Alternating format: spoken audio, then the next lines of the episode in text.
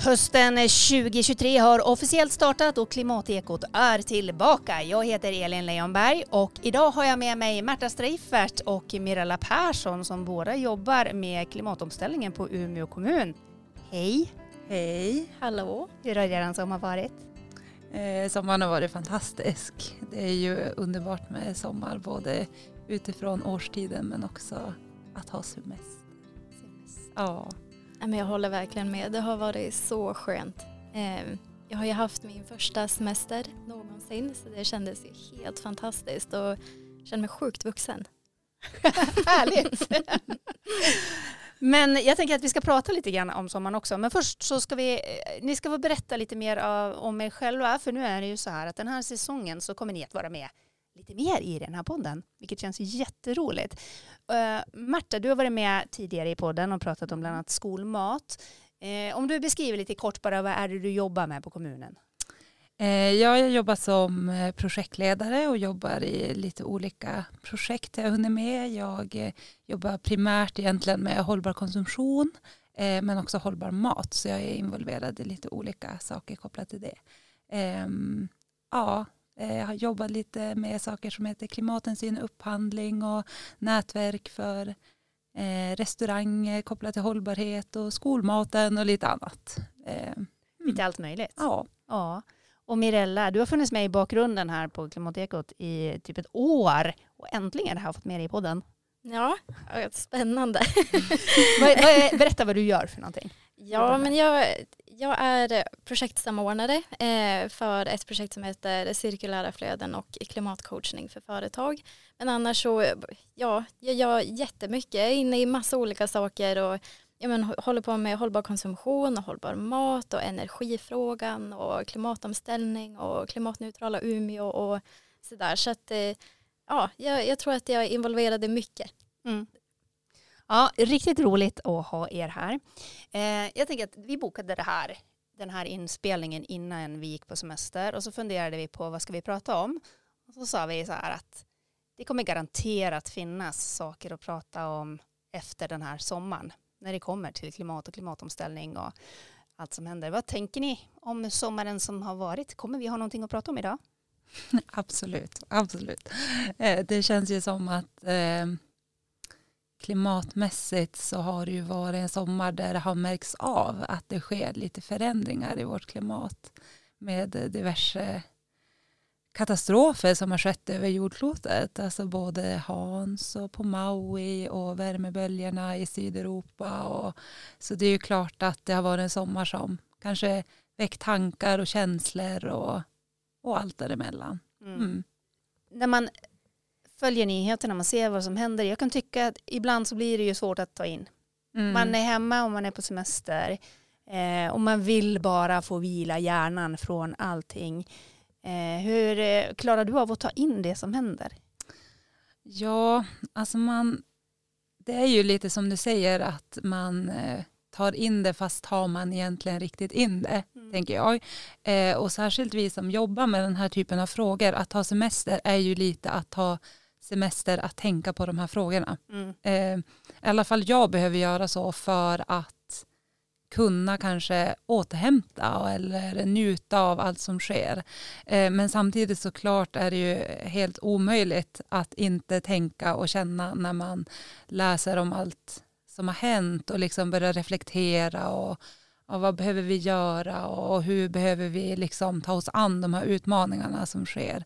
Eh, så att jag tänker, men någonstans har det ju börjat bli den här också att det är så många katastrofnyheter kopplat till klimat och vädermässigt som gör att man kanske inte riktigt, riktigt har till sig det på den nivå man kanske skulle behöva.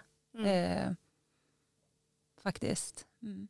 Och jag tänker att det är ju så vi människor fungerar också. Det är ju, alltså rent psykologiskt så funkar vi ju så att vi har svårt att ta till oss om det blir för mycket eller om det sker långt borta. Och så här, det är ju som försvarsmekanismer vi har för att hantera vårt liv. Samtidigt så är vi ju i en situation där vi behöver ta det här till oss för att vi måste förstå allvaret och göra en förändring. Eh, vad tror ni om den där balansen? Ja, jag tror, för mig handlar det också om att jag känner att jag ibland kan vara otillräcklig. Alltså man jobbar med de här frågorna och jag som jag alltid varit intresserad och har som känt ett starkt driv att eh, kunna göra någon, någon förändring. Men, men hur, hur gör man det? Alltså, och vart ska vi som, hur kan jag påverka mest på mitt jobb eller genom min, eh, min arbetsroll och, och sådär. Och jag tycker att det är en jättesvår fråga. Jag, jag har inget svar. Alltså, jag vet inte. Jag tror att man får kämpa på. Alltså, tillsammans kan vi göra jättestor skillnad och jag tror att det är där någonstans man kan hitta tryggheten i att jag är inte själv och gör det här utan det är tillsammans med mina kollegor eller alltså EU eller alltså det är som det är inte bara jag som behöver ändra mig utan det är som det är jättemånga aktörer och ja som behöver göra någonting. Mm. Jag tror det är något i det där att så här, hitta kraften och våga se att man kan vara många som är på samma plats mm. och vill samma saker. Mm. Att våga, alltså, nästan våga öppna upp och se det. Mm. Mm. Ja men för mycket handlar ju om kanske att göra saker och ting tillsammans. Jag kan ju känna själv när jag kommer tillbaka från semesteruppehåll och eh, lite den här känslan att ja, men jag orkar inte tänka just nu, jag orkar inte känna allt det här liksom, och ta in helt. Men varje gång jag träffar er, varje gång jag träffar liksom, er som frekvent liksom är inblandade i klimatekot, då känner jag ju peppen. Då kommer det tillbaka. Så att, och då tror jag mycket handlar om just det, att man är inte ensam som, som ska kämpa med det här. Eh, jag lyssnade på eh, ett sommarprat eh, häromdagen och jag vet att ni har väl också båda två lyssnat på det pratet. Eh, det var Maria Wohlrath Söderberg som är retoriker som sommarpratade i P1. Och för den som inte har lyssnat på det avsnittet så kan jag varmt rekommendera det. Eh, hon pratar om varför vi gör som vi gör trots att vi vet att vi gör fel och hur det här påverkar oss. Eh, ett väldigt fint sommarprat. Vad, vad, vad tänkte ni när ni lyssnade på det här? Men alltså jag tyckte också att det var ett väldigt intressant sommarprat och liksom behövande, eller vad man ska säga, för att det hon pratar om är ju sånt som man innerst inne, de flesta kanske på något vis vet om, men att ibland måste man få höra det och höra det flera gånger. Eh, att ja men, eh, det vi gör påverkar någonstans och att man måste börja fundera på kanske lite val och lite vad man själv har för försvarsmekanismer för att försvara vissa val. Och, eh, ja, men, det här med att lite, ta lite ansvar i vissa fall men också kanske vidga blicken och fundera. Eh, jag tyckte att det var bra. Det väckte väldigt många tankar hos mig. Eh, och jag började lite så här rannsaka mig själv att så här, men gud, vilka val har jag gjort som jag har rättfärdigat på ett eller annat sätt med något argument. Och, för det är ju klart att även om vi jobbar med de här frågorna är ju inte vi felfria eller perfekta. Det vore en lögn att säga det. Mm. Eh, så att det är alltid bra med sådana här eh, samtal som får en att kanske ransaka sig själv lite grann. Mm. Eh, det, jag tyckte det var väldigt givande. Mm. Jag kände mig också prickad. Det var någon gång som jag var så här, oj jävlar, jag gör ju exakt samma sak. Alltså ja. att man har som ja, men man har undanflykter eller man kommer på saker som är så här, ja, men jag förtjänar ju det här. Mm. Varför ska jag inte kunna unna mig typ? Eh, men det är ju också, det är ju bara dumheter, man får ju bara sluta med det. Mm. Eller? Jo, jo men det, det tycker nog jag. Tänk om det vore så lätt att man bara, äh, nu slutar jag med allt ja. det här som gör mig. Jo. Men alltså hur kan de här undanflykterna låta för er För det är det hon pratar väldigt mycket om. Liksom, hon, de har ju tittat i sin forskning vad människor har för för argument för att göra saker man vet är fel fast man gör dem ändå. Mm. Marta, hur kan eh, argumenten låta för dig? Ja, men argumenten kan vara att jag, alltså jag kan använda ändå sådana här eh, argument att så, men jag vet att den här har en hög påverkan och om jag gör det här valet så har den mindre påverkan. Men samtidigt så har ju jag alternativet att inte göra det alls. Men jag väljer ändå det, kanske med mindre påverkan och säger ja men det är ändå bättre mm. än det där andra alternativet. Mm. Så att man bidrar ju ändå till utsläpp när man egentligen hade kunnat välja ingenting mm. i vissa fall. Eh, och andra fall så, ja men eh, sen jag fick barn till exempel kan det ha varit att man tänker att ja men om jag väljer det här så tar jag mig hem snabbare.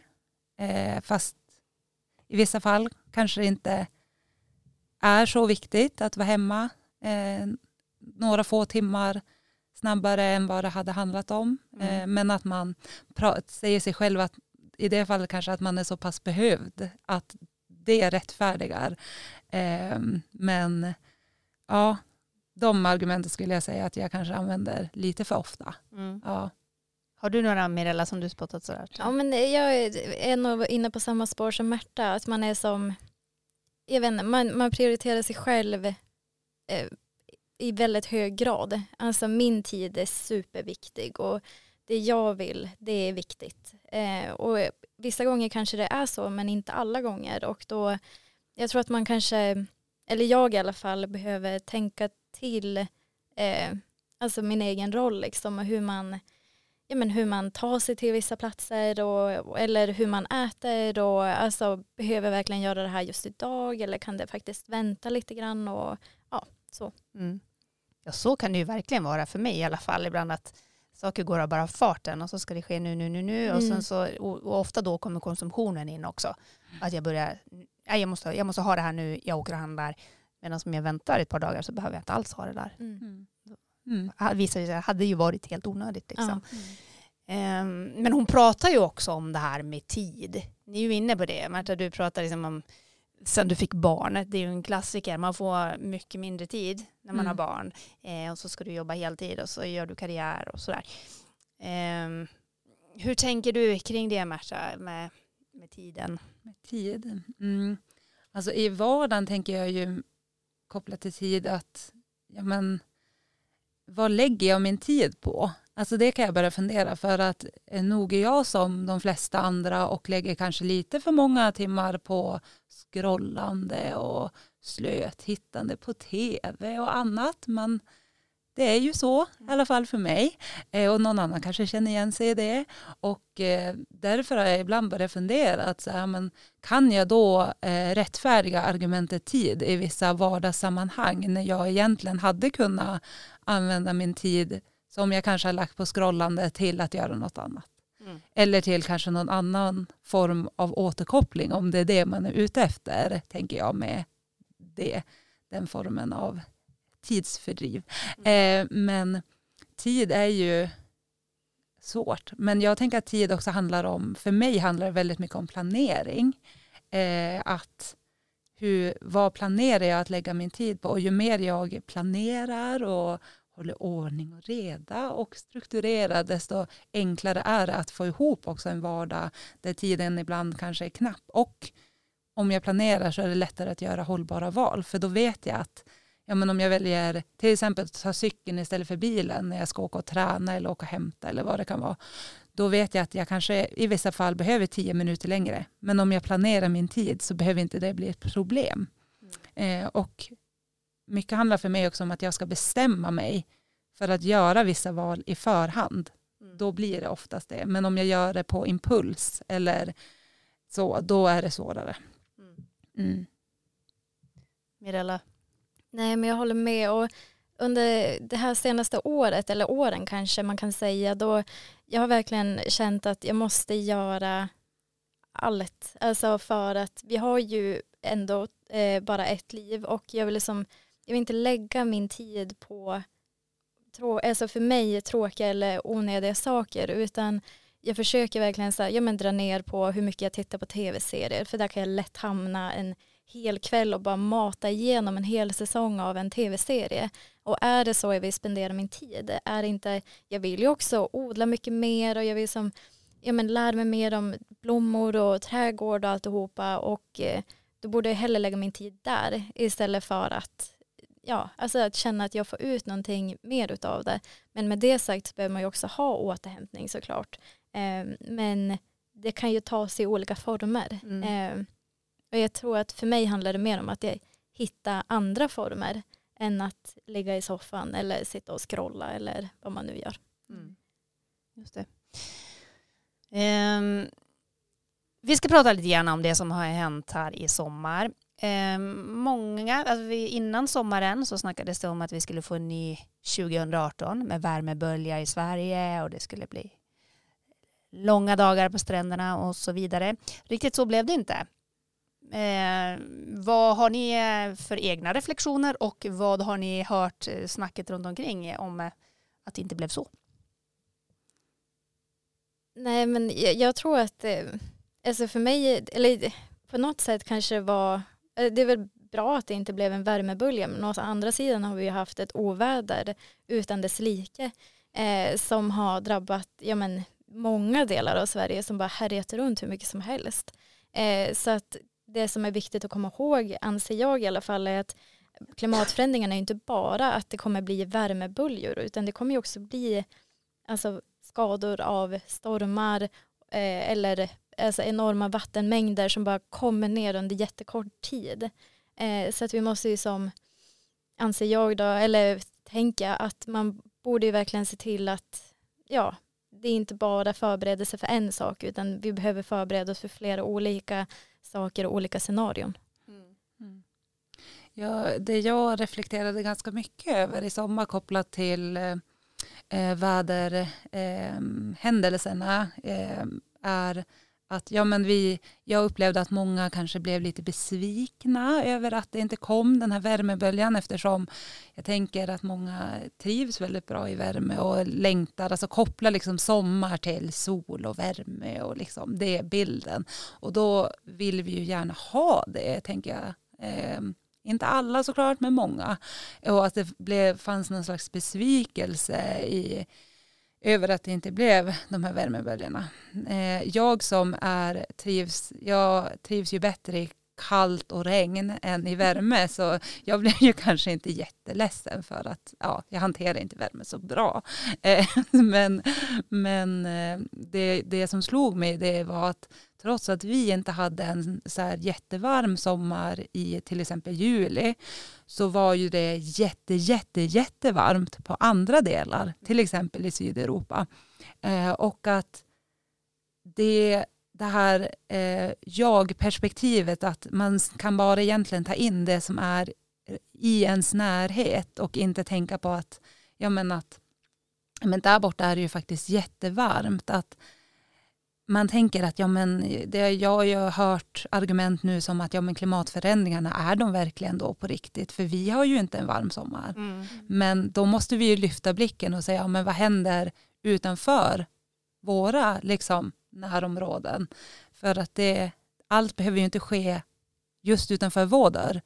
Men det kan ändå ske. Och sen kom ju Hans och alla andra grejer som var i vår farstu. Liksom. Mm. Så att eh, Mm. Och man visste ju inte riktigt heller vart den här värmeböljan skulle komma någonstans på planeten. Man visste ju att den skulle komma men inte riktigt var. Den hade ju lika gärna kunnat komma till Sverige. Mm. Och det tänkte jag mycket på i sommar när jag Ja, men när det var lite kallt och man kände att idag hade det hade väl varit trevligt med en dag på stranden.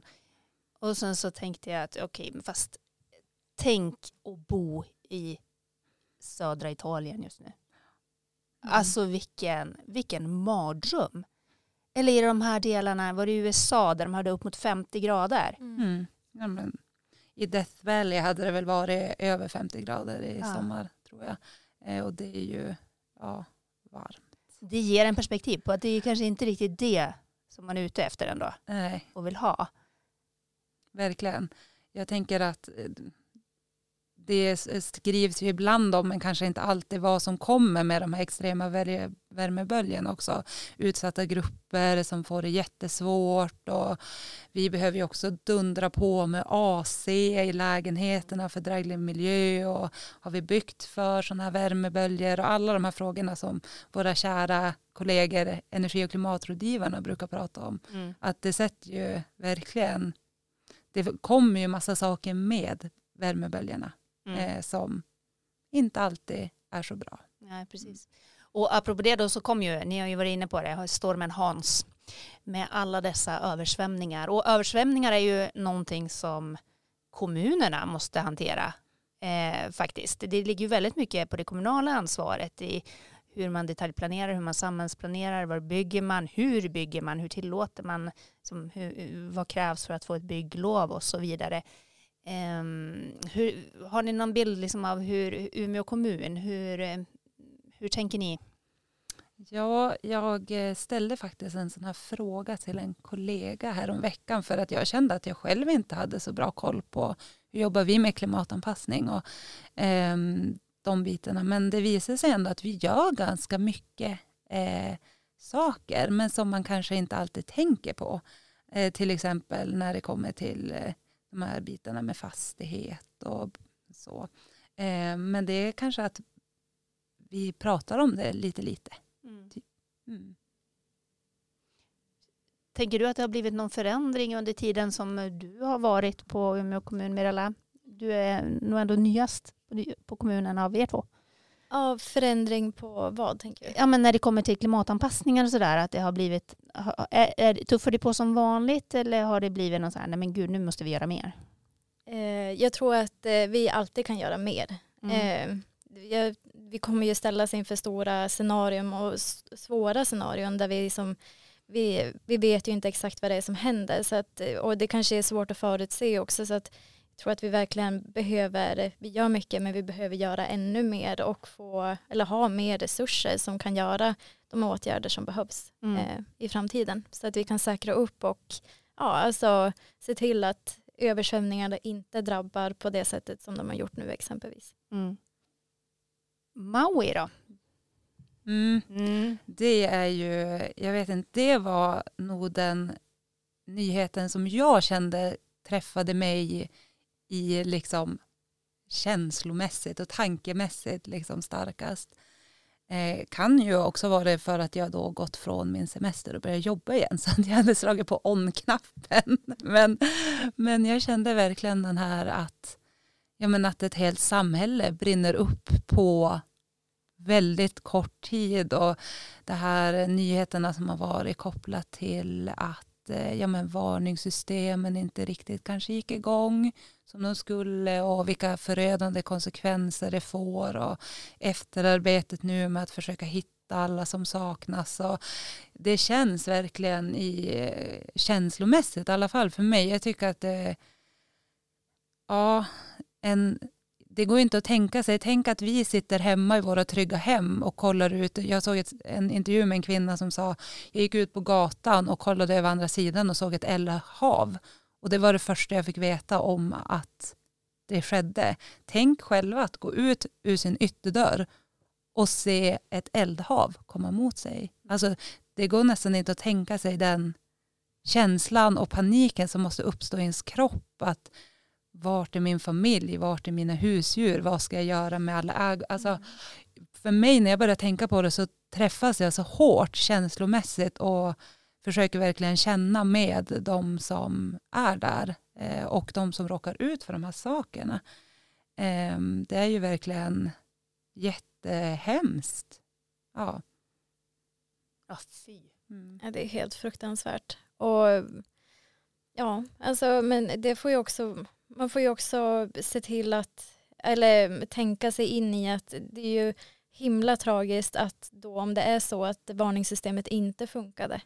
Alltså att det är så himla viktigt att vi har en bra beredskap som kan se till att varna, att vi har en, en fungerande också beredskap med tillräckliga resurser som gör att vi förhoppningsvis då inte ställs inför samma scenario. Och det behöver inte handla om bränder utan det kan ju vara om vatten också eller andra grejer. Alltså, vi vet ju som sagt inte exakt hur klimatförändringarna kommer drabba oss. Eh, så att jag tror att vi måste verkligen vara förberedda på många olika saker. Och, ja, det är ju, men det är ju fruktansvärt det som har hänt i Maui nu. Alltså det, ja. Mm. Jag tror att med klimatrelaterade liksom nu väderkatastrofer att vi människor måste kanske jobba lite mer med den här medmänskligheten och av liksom alla följder som kommer bli. Att vi måste hjälpa varann, se varann, liksom förstå att det kommer ske mycket för väldigt många människor runt om på planeten. Och vad är vår roll i det? Eh, vad bidrar vi till? Vilket ansvar tar vi kopplat till den här sommarpratet också? Att, ja, Eh, ja, för mig väcker det mycket känslor kopplat och tankar kopplat till det. Mm. Mm.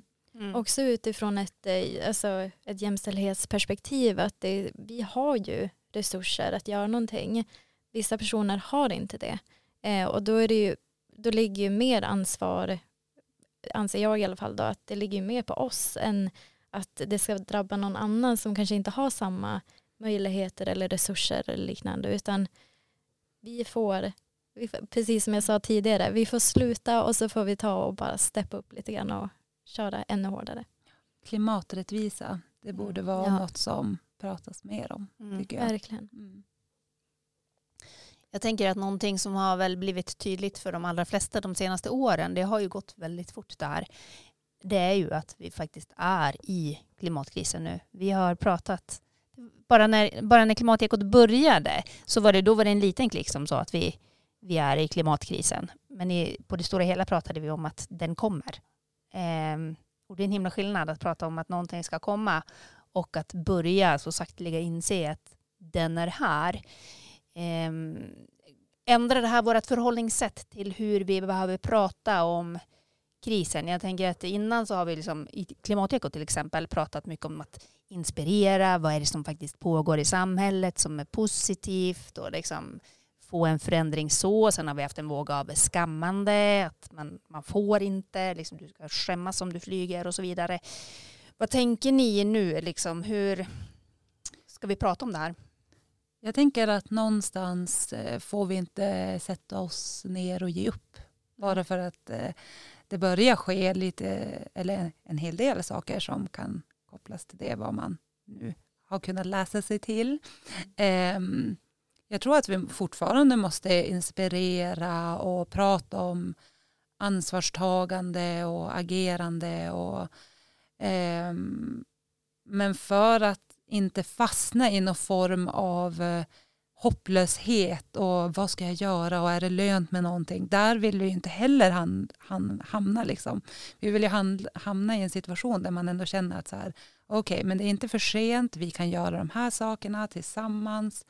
Nu kämpar vi på och vi står upp för eh, frågorna och våga kanske ta lite extra plats, våga höja rösten lite oftare och vara en förebild i de situationer man kan vara tror jag är väldigt viktig. Men sen att inte all, hela ansvarsbördan ska ligga på individens axlar utan eh, det behöver vara, ske på många plan. Men ja, Nej, verkligen. Och man, det finns ju också mycket som man kan göra för gemenskap. Alltså man kan ju gå med i en organisation eller man kan ju också kontakta sin politiker och man kan kontakta oss på kommunen. Alltså, det finns ju massa olika vägar framåt så att man som individ ska inte känna att man är ensam i det här utan det är ju någonting som vi gör tillsammans, både medborgare och kommunen och sen vissa saker kanske man vill göra på olika sätt men eh, den här framåtandan finns ju ändå. Och eh, det är någonstans, tänker jag, att man kan verkligen känna en trygghet i. Eh, och det finns många som brinner för samma sak som en själv gör och att då är man fler, då hörs man ju också lite mer. Eh, så det, jag tror att eh, samlas och göra skillnad, det tror jag är jättestor. Eh, har en jättestor påverkan. Mm. Jag ser fram emot att få prata mer med er under hösten om de här frågorna. Vi kommer att ha som vanligt väldigt många olika ämnen som väntar under hösten. Eh, prata med olika gäster men ni kommer tillbaka. Eh, kul att ha er här och tack för att ni var med. Tack så jättemycket.